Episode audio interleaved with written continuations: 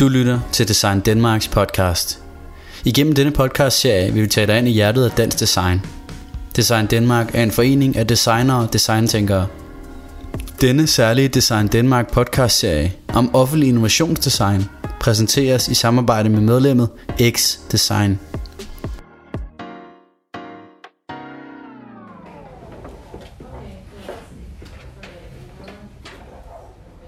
I denne podcast har det indtil nu været mig, der har taget ud og opsøgt de offentlige innovatører. Men i dette afsnit er den offentlige innovatør kommet til mig. Vi befinder os derfor på X Designs kontor i Store Kongensgade i Indre København. Det er et stort åbent rum med vinduer, der leder tankerne hen på et traditionelt New Yorker loft – før X rykkede ind, var der her et yogastudie, og endnu før det huserede kunstneren Jens Birkemose her i mange år i sit store, kunstfyldte og overalt bemalede atelier. Det er i dette kreative, rolige og lyse rum, at jeg i dag skal have besøg af udviklingsdirektør i Region Hovedstaden, Diana Arsovic. Diana har tidligere været innovationschef i Københavns Kommune i regi af Innovationshuset, såvel som direktør for Syddansk Sundhedsinnovation. Begge steder var hendes rolle at udbrede innovation og designmetoder til den offentlige sektor. Diana er uddannet arkitekt med mange års erfaring fra det private og med en overbygning i ledelse. I dette sidste afsnit af podcastserien må det være på sin plads at få understreget værdien af offentlig innovation og vejen dertil. Det er med den forventning, at jeg har indbudt Diana.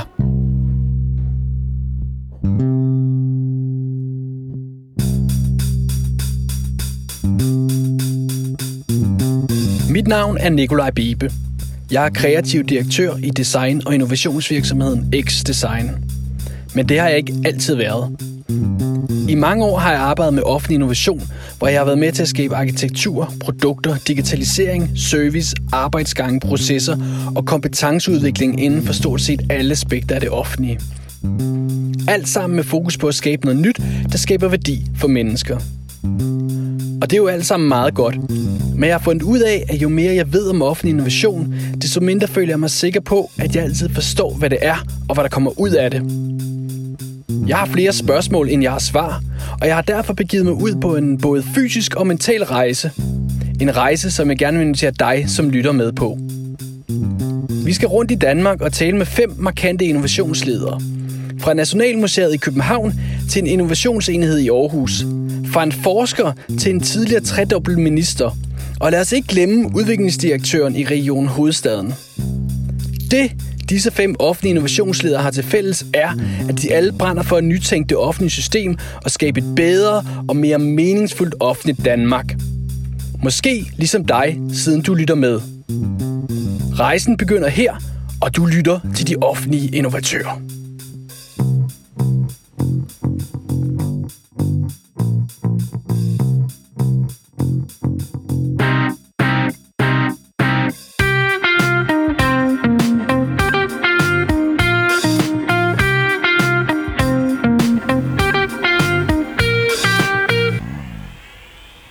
Diana Arsovits Nielsen, velkommen til De Offentlige Innovatører. Tusind tak, Nicolaj. Normalt der tager jeg jo ud og taler med folk, men du har været så sød at komme her og tale med os i X-Design i det indre København, så tak for det. Ja, det var så lidt. Diana, du har arbejdet med offentlig innovation i godt og vel et år 10. Kan du prøve kort at beskrive din rolle inden for offentlig innovation, øh, som den er nu, og som den har været over tid? Og det er et stort spørgsmål. Det kan jeg godt prøve. Jeg har jo en øh, baggrund fra den, øh, den kreative branche som designer og arkitekt.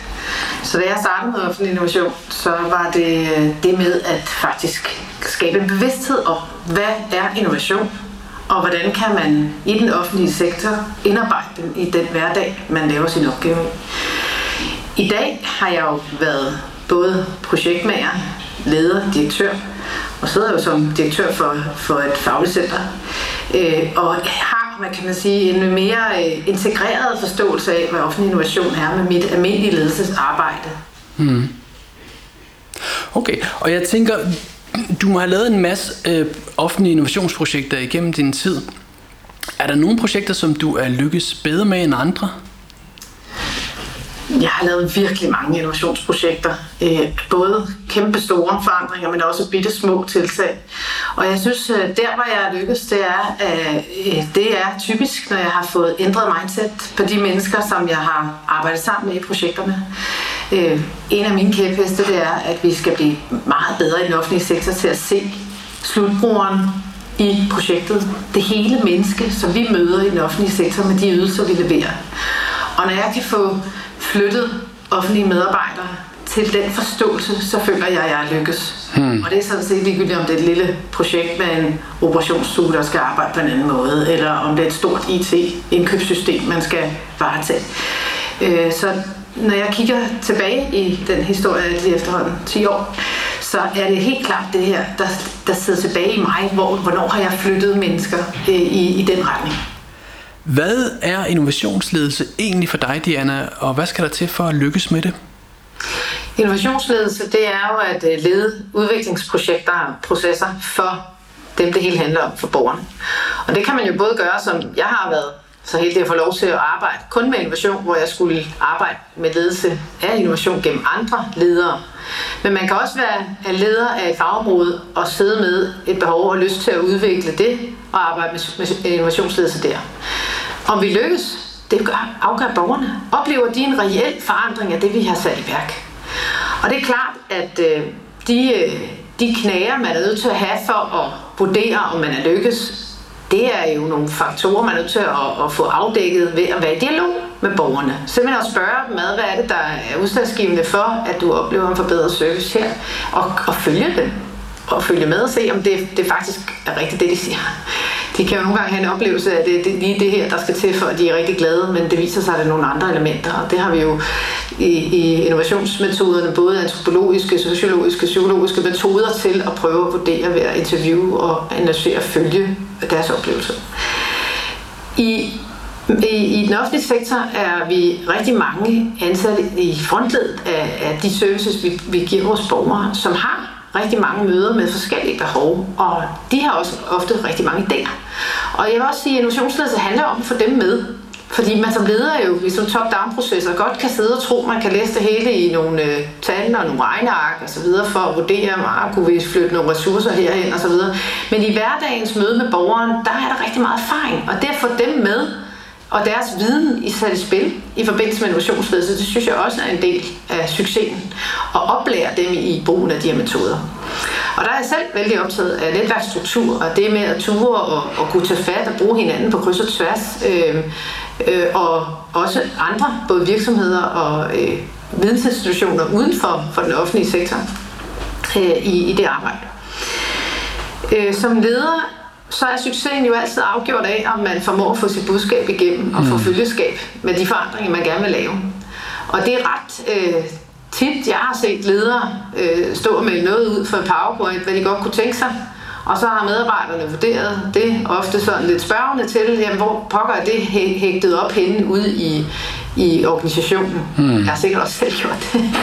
det er jo let at komme til, når man hmm. har lidt distance fra hverdagens opgaveudførsel. Hmm. Og der tror jeg, det er vigtigt at turde stille spørgsmål som leder. Giver det her mening? Hmm. Hvad ser I? Hmm. Er det de samme vinkler, I oplever derude ja. i forhold til jeres daglige erfaring? Og der tror jeg, at, øh, at man mærker følgeskabet ret effektivt, hvis man tør at åbne den dialog op, ved at der er kritiske spørgsmål. Hmm. Og også for, øh, altså sådan forslag til, hvordan kan man fortolke det forskelligt. Hmm. Fordi en, alle afdelinger er jo ikke ens, alle enheder er jo ikke ens, alle teams kan arbejde forskelligt. Og individerne afgør jo, om den der fortolkning af, hvad det er, lederen har sagt, vi skal, blive oversat til noget adfærd, der hmm. så reelt gør den forandring for borgerne, vi egentlig ønskede. Og der, øh, der synes jeg, at man som ledelse hele tiden skal være ydmyg og opsøgende på, om man har succes. Og det er jo interessant, fordi så hører jeg dig faktisk dele det op i lederskab og i følgeskab. Eller det kan i hvert fald måske hænge sammen, men, men jeg hørte i hvert fald lave sådan en differentiering mellem de to ord. Det ved jeg. Jeg tror, at øh, det, det vil jeg egentlig mene er, er lidt det samme. Altså lederskab følger følgeskab. Øh, det er jo sådan en tosidig mønt, kan man sige. At du følger jo kun som menneske dem, du synes, der kan skabe mening for dig i det, de siger. Mm-hmm. Altså, øh, i, i ledelsesarbejde, der er det jo helt afgørende, at man er dygtig til at kommunikere det, man gerne vil opnå.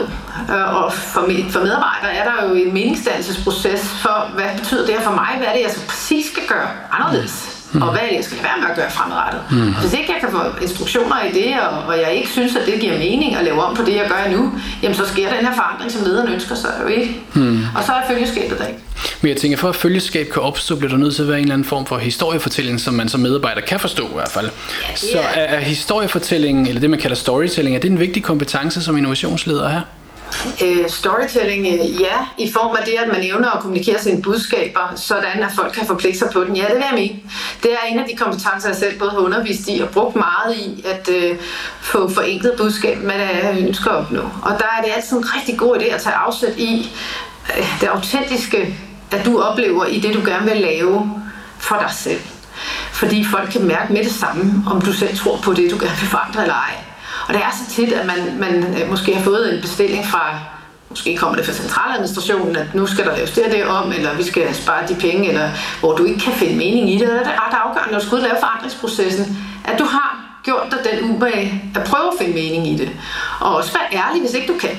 Fordi følgeskab, det øh, kræver, at du er autentisk og nærværende med det, du selv oplever er, er vigtigt i, i det, der skal foregå.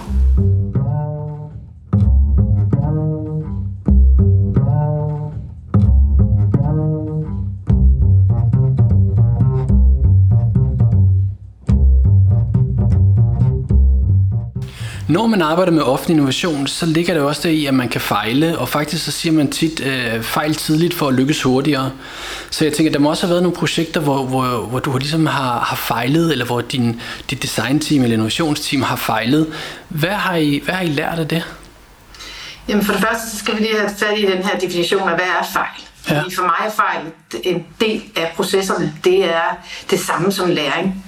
Og øh, når man er kreativ uddannet, så, øh, så ved man, at man rammer ikke rigtigt med ideen den første runde. Man rammer ikke rigtigt med designobjektet eller produkterne i første omgang. Mm. Og når man kommer ud i, i den virkelige verden, så fortolker folk vildt forskelligt, hvordan man skal bruge det. Så det, der er vigtigt at forstå, det er, at fejl det er et potentiale for læring. Og forbedring af det, man sidder med. Så i, i det arbejde, som jeg har lavet, har jeg blevet spurgt det her spørgsmål 100 gange. Hvad er gået galt? Jamen, der er masser af projekter. Jeg tror, jeg har lavet alle de fejl, man overhovedet kan i den offentlige sektor. For det første, ikke at være ydmyg nok omkring den kontekst, jeg er kommet ind i. At jeg måske ikke har haft forståelsen for, hvad er der egentlig på spil her? Det kan være forskel mellem, at der er en administration, der sidder med et besparelsesbehov, og en politisk organisation, der sidder med et ønske om forbedring for netop borgeren. Og de her møder mellem dagsordner, i starten forstod jeg ikke de spil, øh, det spil ordentligt, og det har, det har jeg haft nogle projekterfaringer med, hvor jeg simpelthen øh, ikke er nået ret langt med projekterne. Jeg øh, fik brugt pengene alt for hurtigt op i forhold til at egentlig få lavet en reel forskel. Så ja, masser af erfaringer med det, men det er også noget af det, der har gjort, at jeg i dag har en langt bedre forståelse for, hvad skal man tage fat i, for ikke at, at misse de her forbindelser mellem de mange forskellige agendaer, der er på spil, når man arbejder med forandring. Men det er vel noget af en kontrast, er det ikke det at komme med din øh, designtilgang til de ting, og så møde det offentlige med en nulfejlskultur, og øh, mine arbejdsopgaver går hertil og ikke længere. Er det ikke en helt anden måde? Er, det ikke, er der ikke en mismatch mellem den måde, du, du angriber tingene på, og så den offentlige verden, du har mødt? Jo, øh, det er der helt klart. Men noget af det, jeg jo i hvert fald ved fra min, min tid som arkitekt og designer, det er, at det er heller ikke godt at have et produkt på markedet, der ikke dur til brugeren. Så det med nulfejl i, i slutprodukterne og de services, vi leverer, det er ikke noget, der kun er forbeholdt den offentlige sektor. Det er der mange brancher, der gerne vil opnå og har meget høje kvalitetskrav og systemer for at håndtere. Det, der er forskellen, det er, at i den kreative branche, der har vi lavet øverum, hvor vi ligesom skaber rummet for fejl til læring. Det er nemlig en del af arbejdet for fine objekterne og projekterne til, til, det, til det stadie, hvor de er klar til produktion. Det er måske lidt sværere at se i den offentlige sektor, hvor vi sådan set øh, øh, i hvad kan man sige, fejl, fejldelen af arbejdet, eller læringsdelen af arbejdet, ligger i, i uddannelsesniveauet. Altså hvor det er uddannelse, vi lærer det på. Og når man så kommer ud, så skal man så performe rigtigt. Men jeg tror, når man starter som offentlig ansat, så laver man ikke nogen fejl. Det, så, altså, der vil jeg sige, i den offentlige sektor, der er det helt integreret del, at vi uddanner hinanden og arbejder, lærer hinanden op i ting. Vi taler bare ikke så meget om, hvad det kræver, og mm. måske fokuset på, at vi også træner hinanden, at det er en rolle, også i ledelse, at der skal, der skal anerkendes som en del af arbejdet, at det tror jeg godt, vi kan blive bedre til i talsæt. Ja. Går man tilbage i historien, så tror jeg, der har været masser af både mesterlærer øh, i forhold til at lære en sygeplejerske op, eller, mm. eller også faktisk i, i, i byråkratiet med administrationen, øh, folk der sidder sidemandsoplærer til at lave et godt notat. Men den bevidsthed om, at det er også en ledelse at, at varetage den her oplæring og kunne gå på gulvet i øjenhøjde med, med det, borgere møder, det tror jeg, der skal mere fokus på i dag, hvor alting går så stærkt. Nu er du jo selv uddannet arkitekt, så hvad bidrager en arkitekt eller en designer eller andre kreative uddannede mennesker med, når der skal laves offentlig innovation? I dag sidder jeg jo med, øh, med ansvaret for regional udvikling, og der er jo rigtig meget overlap med det at kunne tænke langsigtet og planlægge øh, med arkitektfaget, hvor vi jo også skal kunne visualisere, hvad er det for en forandring, vi gerne vil lave eller se, og få kreative idéer til koncepter, der kan løse fremtidige udfordringer. Så der bruger jeg jo rigtig meget den faglighed og baggrund. I selve min rolle som direktør for regional udvikling, der sidder jeg jo til en masse møder, og jeg er også med til øh, at beslutte ting, øh, eller beslutte øh, på områder, hvor jeg ikke nødvendigvis har en dyb forståelse fagligt. Øh, og det jeg kan bruge min baggrund til, det er, at jeg øh, jeg, gerne, jeg godt kan lide at visualisere, hvad alt det her betyder, og prøve at tage scenarier frem for at forstå, hvordan det påvirker slutbrugeren. Og det gør jeg hyppigt, for simpelthen selv både at kunne forstå det, men også at kunne hjælpe øh, mine politikere og dem, jeg betjener med, at helt få fat i, hvad er det, det her det gavner, og hvornår bliver det her konkret en forandring, der begynder at skal tages hånd om i forhold til at justere resten af organisationen, efter hvad det nu er, vi skal beslutte. Når man øh, hører om offentlig innovation, så hører man ofte, at det er sådan noget, hvor man skal lære at tænke lidt vildt, og man skal slippe medarbejderne fri, og man skal lade dem udfolde sig kreativt, og nogle gange endda sådan reaktivere kaldet i dem, og så man skal turde skabe en kultur, hvor medarbejderne tør og kan begynde at fejle. Og det skal være sådan værdibaseret og med udgangspunkt i medarbejdernes egen fri vilje og engagement. Er det noget, du kan genkende til, eller er det bare en række buzzwords? Nej, det er opgaven. Altså innovation, det handler jo om at få hjertet med i, øh, i hverdagen på de, øh, det, vi egentlig er der for. Vi er der for borgerne. Vi varetager en masse ansvar for øh, nogle fælles opgaver, vi har besluttet i samfundet, hvad skal være, og hvordan skal løses. Og vi har desværre ikke så mange penge til at løse alle de behov, vi sådan set kunne se, der skulle løses. Så det er hele tiden opmærksom på, hvordan vi udvikler forbedrede løsninger for færre penge, eller for, for i hvert fald matche de behov mm. med det, vi vil betale for det. Mm. Det er en ledelsesopgave, vi skal varetage. Og hvis ikke det starter med kaldet for, hvad er godt for borgeren, så rammer vi helt skævt. Så derfor så tror jeg, at vi som offentlige ledere er nødt til at være opmærksom på at få den her ild tæt i, hvad er det nu, vi er her for? Mm. Hvad er formålet med det, vi, mm. vi, vi laver? Ja. Og den bevidsthed, den, øh, den forsvinder hurtigt i hverdagen, hvor at, øh, ja, der er mange krav, der er mange, øh, mange behov, der skal indfries på os på administrationsniveau, som betyder, at man fjerner fokus fra det, der er det, det, der er det centrale i vores opgaver. Mm. Så det synes jeg, det er ikke buzzword for mig. Altså, så det kan, som de fleste i den offentlige sektor, jeg synes, når jeg øh, kan se tilbage på dem, jeg har ansat, så er noget af det, der går igen, når folk vælger at, at søge ind i den offentlige sektor fra at have arbejdet i det private. Jamen det er, at de gerne vil arbejde med noget meningsfyldt. Hmm. Det er sjældent løn. Men øh, i, i vores ramme af den offentlige sektor, der er det jo også, vi er jo inde og pille med menneskers liv og, mm. og hverdag, så det er meget meningsfyldt arbejde. Og det at holde fast i det som driver for forandring og udvikling, det synes jeg er, er øh, enormt meningsgivende for mig som leder i hvert fald. Så øh, det her, øh, det er jo også noget, en del andre innovationsledere folk også taler om. Så jeg tænker, at det er ligesom noget, der ligger i den her kultur. Så hvis man vil lave offentlig innovation og offentlig innovation, eller ledelse i offentlig innovation, så skal man have fokus på nogle af de her ting. Men er der også nogle ting, som, øh, som du tænker, innovationsledere gør helt forkert, som du kigger rundt i det danske landskab af innovation, og så, og så tænker, de har misforstået det. Noget, du har lært over tid. Ja, altså jeg tror, en af de store fejl, jeg synes, at der har været i, i den offentlige sektor omkring øh, innovation, det er, at den er bygget op omkring den her projekt, øh, det her projektformat. Øh, vi skal bare sprøjte en masse projekter ud, en masse pilotforsøg, øh, som så måske bliver til noget, måske bliver det ikke, uden at få integreret det med, med den, øh, nu kalder jeg det hovedforretning, men, men den kerneopgave, som der skal løses, egentlig bøvler med. Og det gør, at vi har fået sådan en, et, et enormt broet landskab af mange ting, der er startet op, som ingen rigtig tager ansvar for at bære igennem. Og det kan godt pine mig lidt, fordi der er jo brugt virkelig mange penge og mange kreative kræfter og øh, mange drømme, der er bristet i, i det der, som jeg synes, der er manglet ledelsesfokus på. Og innovationslederens opgave, synes jeg, er at forstå, hvad pokker er det for landskab, jeg er i. Det var en af de egne læringer, jeg gjorde mig. Jeg vidste jo ikke ret meget om sundhedsvæsenet, da jeg startede i, i, i Syddanmark i sin tid. Mm-hmm. Så vidste jeg en masse om byggeri og design, men jeg havde ikke arbejdet inde i sundhedssektoren. Det der med at lige forstå, hvad det er for et landskab, inden man forsøger at lave det om, det, det, er, rigtig, det er en rigtig god idé. Og der synes jeg, at mange øh, innovatører sætter fokus på processerne og den her værktøjskasse og det sprog, de kommer ind med i stedet for at ligesom forstå, hvad er det for en virkelighed, jeg går ind og skal provokere og forandre. Mm. Og det er jo en balance, fordi hvis man går ind og får meget en del af den, så kan man ikke udfordre den. Så det er også noget med, at, at kulturer sætter til tværfaglige hold, at man har forskellige hjerner og perspektiver på, hvad det er, udfordringen øh, handler om. Mm. Og i ledelse af det, der tror jeg ikke på, at man, man inden for egen organisation har det rigtige sæt kompetencer.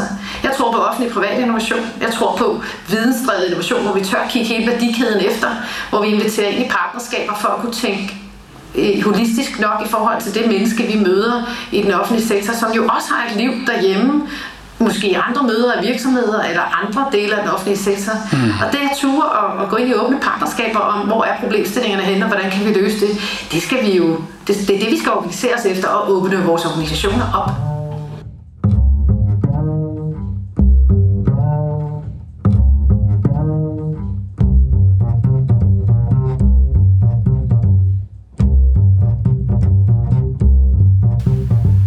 Du har været direktør i Syddansk Sundhedsinnovation, og så har du været innovationschef i Innovationshuset i Københavns Kommune. Og Innovationshuset, Innovationshuset lukkede her den øh, 1. Januar 2019, og det samme gjorde Mindlab, som er statens innovationsenhed faktisk også. At det øh, lukker de afdelinger, fordi at man har lykkes med offentlig innovation, eller hvad er det, der sker, siden man lukker det ned fra, fra offentlig side af? Ja, det ved jeg ikke. Der er forskellige årsager til, hvorfor de lukker ned. Men noget, jeg tror, at der er vigtigt at forstå, det er, at innovationshus eller et mindlab eller en, en lille organisation i den store organisation kan ikke ændre verden alene. Altså, det er et ledelsesmindset, der driver om, hvor innovativ en organisation den offentlige sektor er. Så det, der er vigtigt at se på i de der eksempler, det er, hvad, hvad, hvor mange har man nået at påvirke, hvor mange har man været i dialog med. Øh, nogle gange så tæller vi i antal af projekter øh, og kigger på de aktiviteter, hvad er der kommet ud af det. Vi vil gerne vide, hvad der helt præcis øh, er målbart her, så man kan sige, at det så en succes. Det jeg kigger på, og det jeg også synes, jeg øh, selv er lykkes med, det er at påvirke mennesker, øh, og påvirke ledere, påvirke mellemledere til at arbejde på en ny og anderledes måde, så den er hverdagens mm. hovedopgave i den offentlige sektor forandres med det. Det er meget mere bæredygtigt end at vi laver et hypet projekt, der får vildt meget presbevågenhed, men som reelt ikke sådan i hverdagen kommer til at flytte så mange mm. mennesker.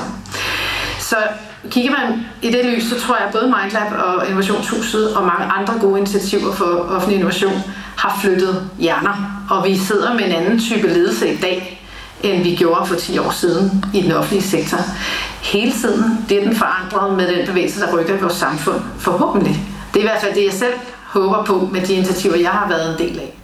Men er det ikke også det, der nogle gange øh, man kan øh, klandre offentlig innovation for, det er det her med, at man ikke kan, rigtig kan måle, hvad der kommer ud af det? Jo, men øh, det er jo ledelsesproblemstillingen også. Det er jo elastikbegreber, når vi snakker om forandring. Hvad er det præcis, der har gjort forskellen? Vi ved det ikke altid. Det gør vi heller ikke altid i forskning. Hvad er det for nogle indikatorer, der lige har været udslagsgivende for, at netop det er sket? Mm. Og når vi isolerer offentlig innovation til et eller andet projekt, så kan det godt være, at vi øh, kan finde teknologi, der virker smadret godt for et eller andet. Øh, men i projektet, når det så skal kopieres eller skaleres til en anden afdeling, så viste det sig sørme, at det var Anne, som var smadret dygtig til at tale med medarbejdere, der havde brugt den teknologi, der fik til, til at lykkes i den konkrete kontekst. Og Anne bor altså ikke i den nye afdeling, hvor den nye teknologi er flyttet hen, og så virker det ikke. Og det er de der faktorer, som kan være svært at gøre målbare, når vi så skal udbrede og flytte de gode erfaringer med mm. Center for Offentlig Innovation er jo en af de aktører, som jeg også ved, du har interviewet her øh, i podcastforløbet. De har jo rigtig meget ud at tale om, hvordan vi kopierer og spreder og får de her erfaringer bragt ud, og har også analyseret på, hvordan kan vi blive bedre til at kopiere og lære fra hinanden. Og det tror jeg rigtig meget på i forhold til at lade ledere ikke hver gang skulle gennemgå den lidt hårde fødsel, det er at starte idéer op for men at kunne lære andre. Og det er at få en kultur af, hvor vi tør at åbne vores butikker op for hinanden og vise det, vi bøvler med og det, vi lykkes med mere ærligt. Det gør også, at de gode idéer og gode løsninger får lettere ved at blive spredt. Mm. Ja, fordi Pia Gellerup, som jo er lederen af, af Center for Offentlig Innovation, snakker også om det med, at vi jo faktisk i det offentlige skal lære at stjæle fra hinanden og bruge hinanden.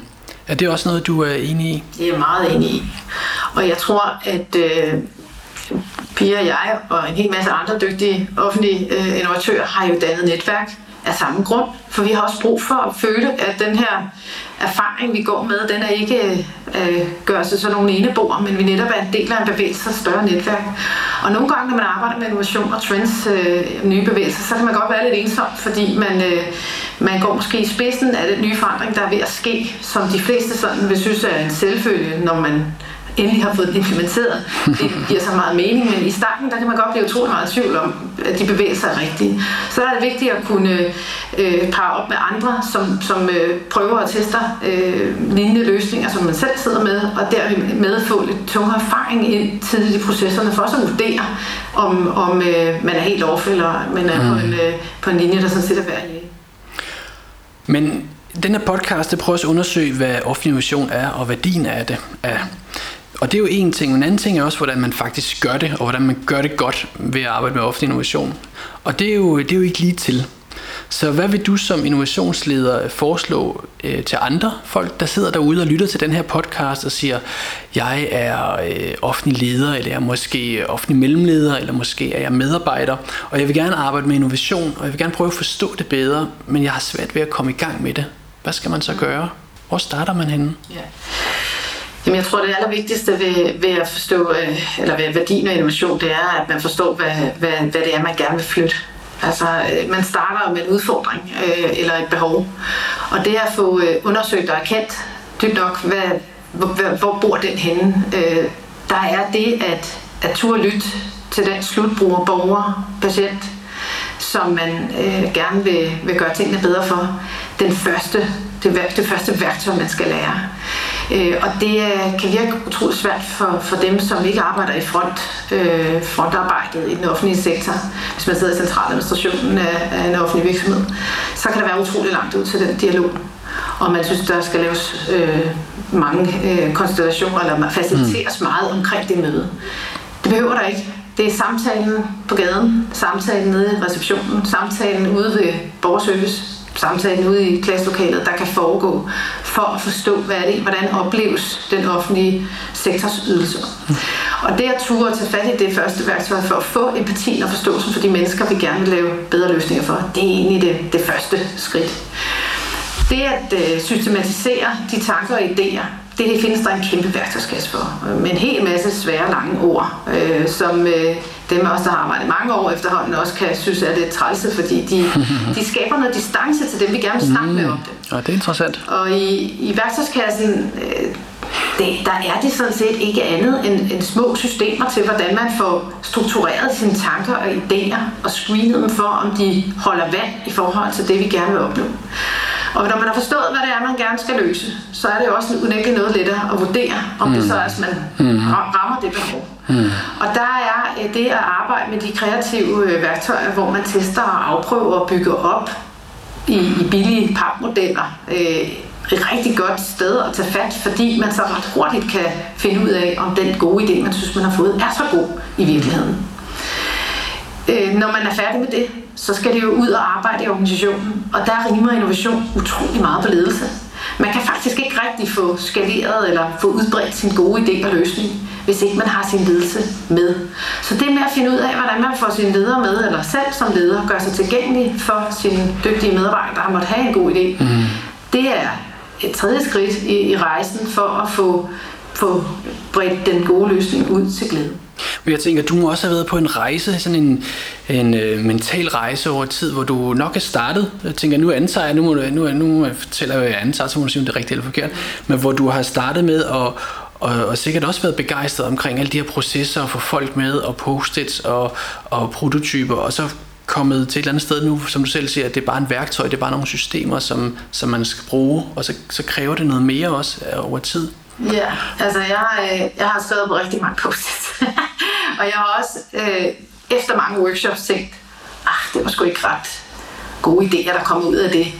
Øh, og er ikke længere på nogen måde duperet over, at folk kan skrive på postes eller lave flotte plancher. Det har jeg jo sådan set også en kreativ uddannet været vant til at, at arbejde i. Så det er ikke et værktøj i sig selv, der har duperet mig. Det, der det, jeg synes, der er fantastisk, det er, når man kan flytte mennesker fra et ståsted til et andet, igennem det at teste og afprøve deres egne idéer. Mm. Øh, fordi forandringen, den er, den er sådan magisk, når man flytter mennesker. Det er jo også det, der gør det spændende at følge politiske debatter og mm. være med i, i de store forandringer, som mm. vi ser øh, mm. sker lige nu i vores samfund omkring klima og meget andet. Det er jo, når mennesker flytter standpunkt, fordi de bliver mm. oplyst og får, får prøvet nogle nye ja. ting af. Og i, mit arbejde med innovationen, der, der synes jeg, at, øh, at øh, jeg oplevede meget distance, som sagt, til de her klassiske innovationsværktøjer. Så det var vigtigt for mig at afmystificere, at de i sig selv ikke kunne noget som helst. Mm. De er kun så dygtige som de mennesker, der faciliterer og imødekommer dem og åbner sig op for dem til noget. Mm.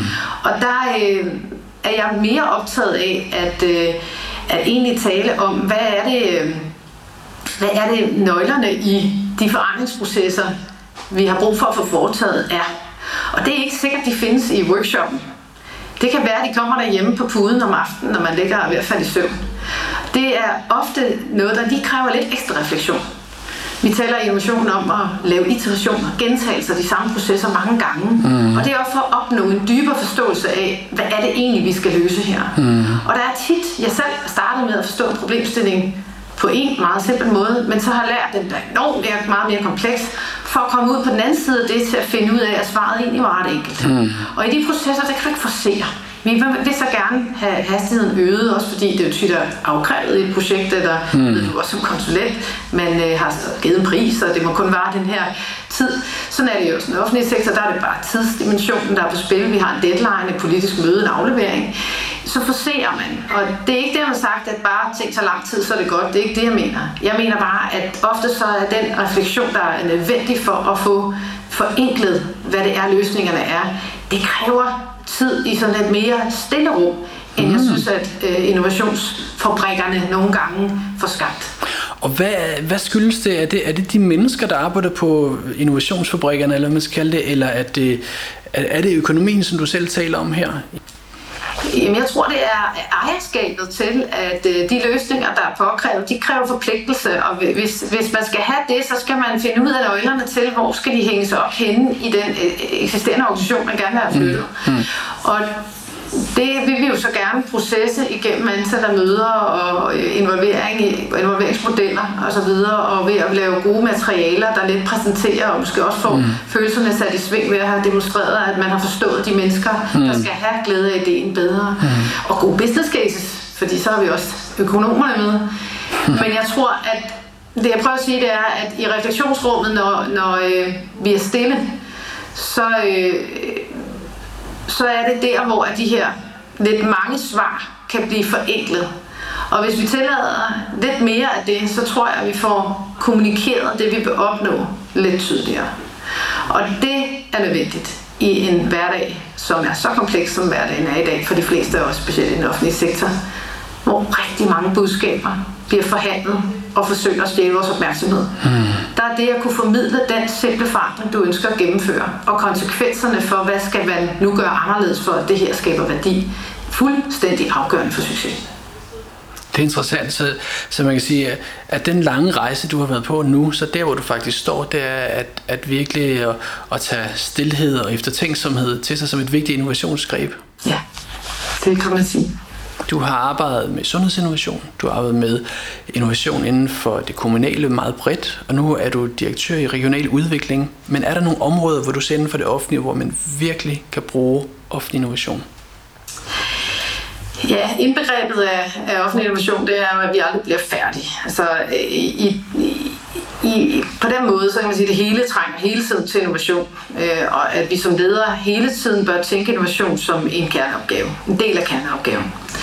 Så hvis vi lige parkerer, at vi sådan set vi kunne tage fat i det hele, hvor, så, kan vi så, så kan jeg pege ind på at sige, hvor er det, jeg brænder for at lave innovation. Øh, det er, at øh, jeg tror, det er vigtigt, at vi har nogen, der kæmper for at sikre, at vi har et stærkt demokrati.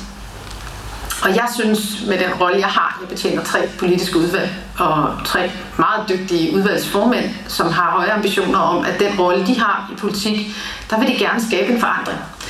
Og der synes jeg, at vi i den offentlige sektor grundet en historik af behov for at dokumentere, og det synes jeg er også berettet, når man kigger tilbage, har for søgt lidt at forenkle, hvad det egentlig er, at øh, vi, vi gerne vil øh, tegne op af udfordringer for politisk udvikling. Øh, og det afmonterer på en måde demokratiet, hvis vi ikke er opmærksom på, hvordan embedsværk og politikere spiller sammen om det at udvikle vores samfund.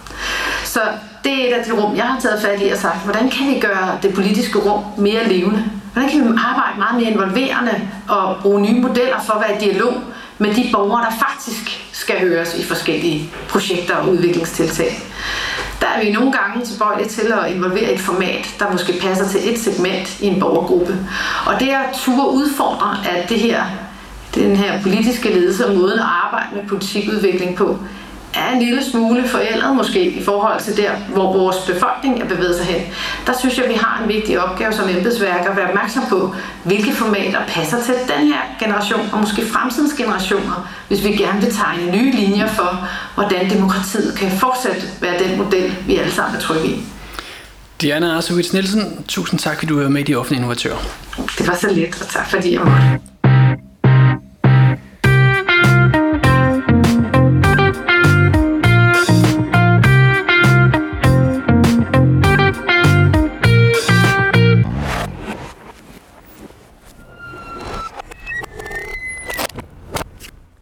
Har lyttet til De Offentlige Innovatører. En podcast om offentlig innovation og værdien heraf. Podcasten er redigeret af Christoffer Ulebjerg Rasmussen, Rune Kirt og Nikolaj Bibe. Redaktion Ellen Grønborg. Vært, idé og musik af Nikolaj Bibe. Tak for at du lyttede med.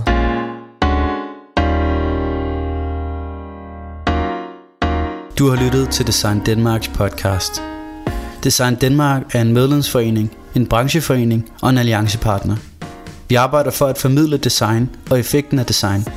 Design er værdiskabende, design skaber konkurrencedygtighed, og design er et værktøj, der skaber positive forandringer i hele værdikæden. Læs mere på www.designdenmark.dk og husk at du kan følge os på Facebook og LinkedIn.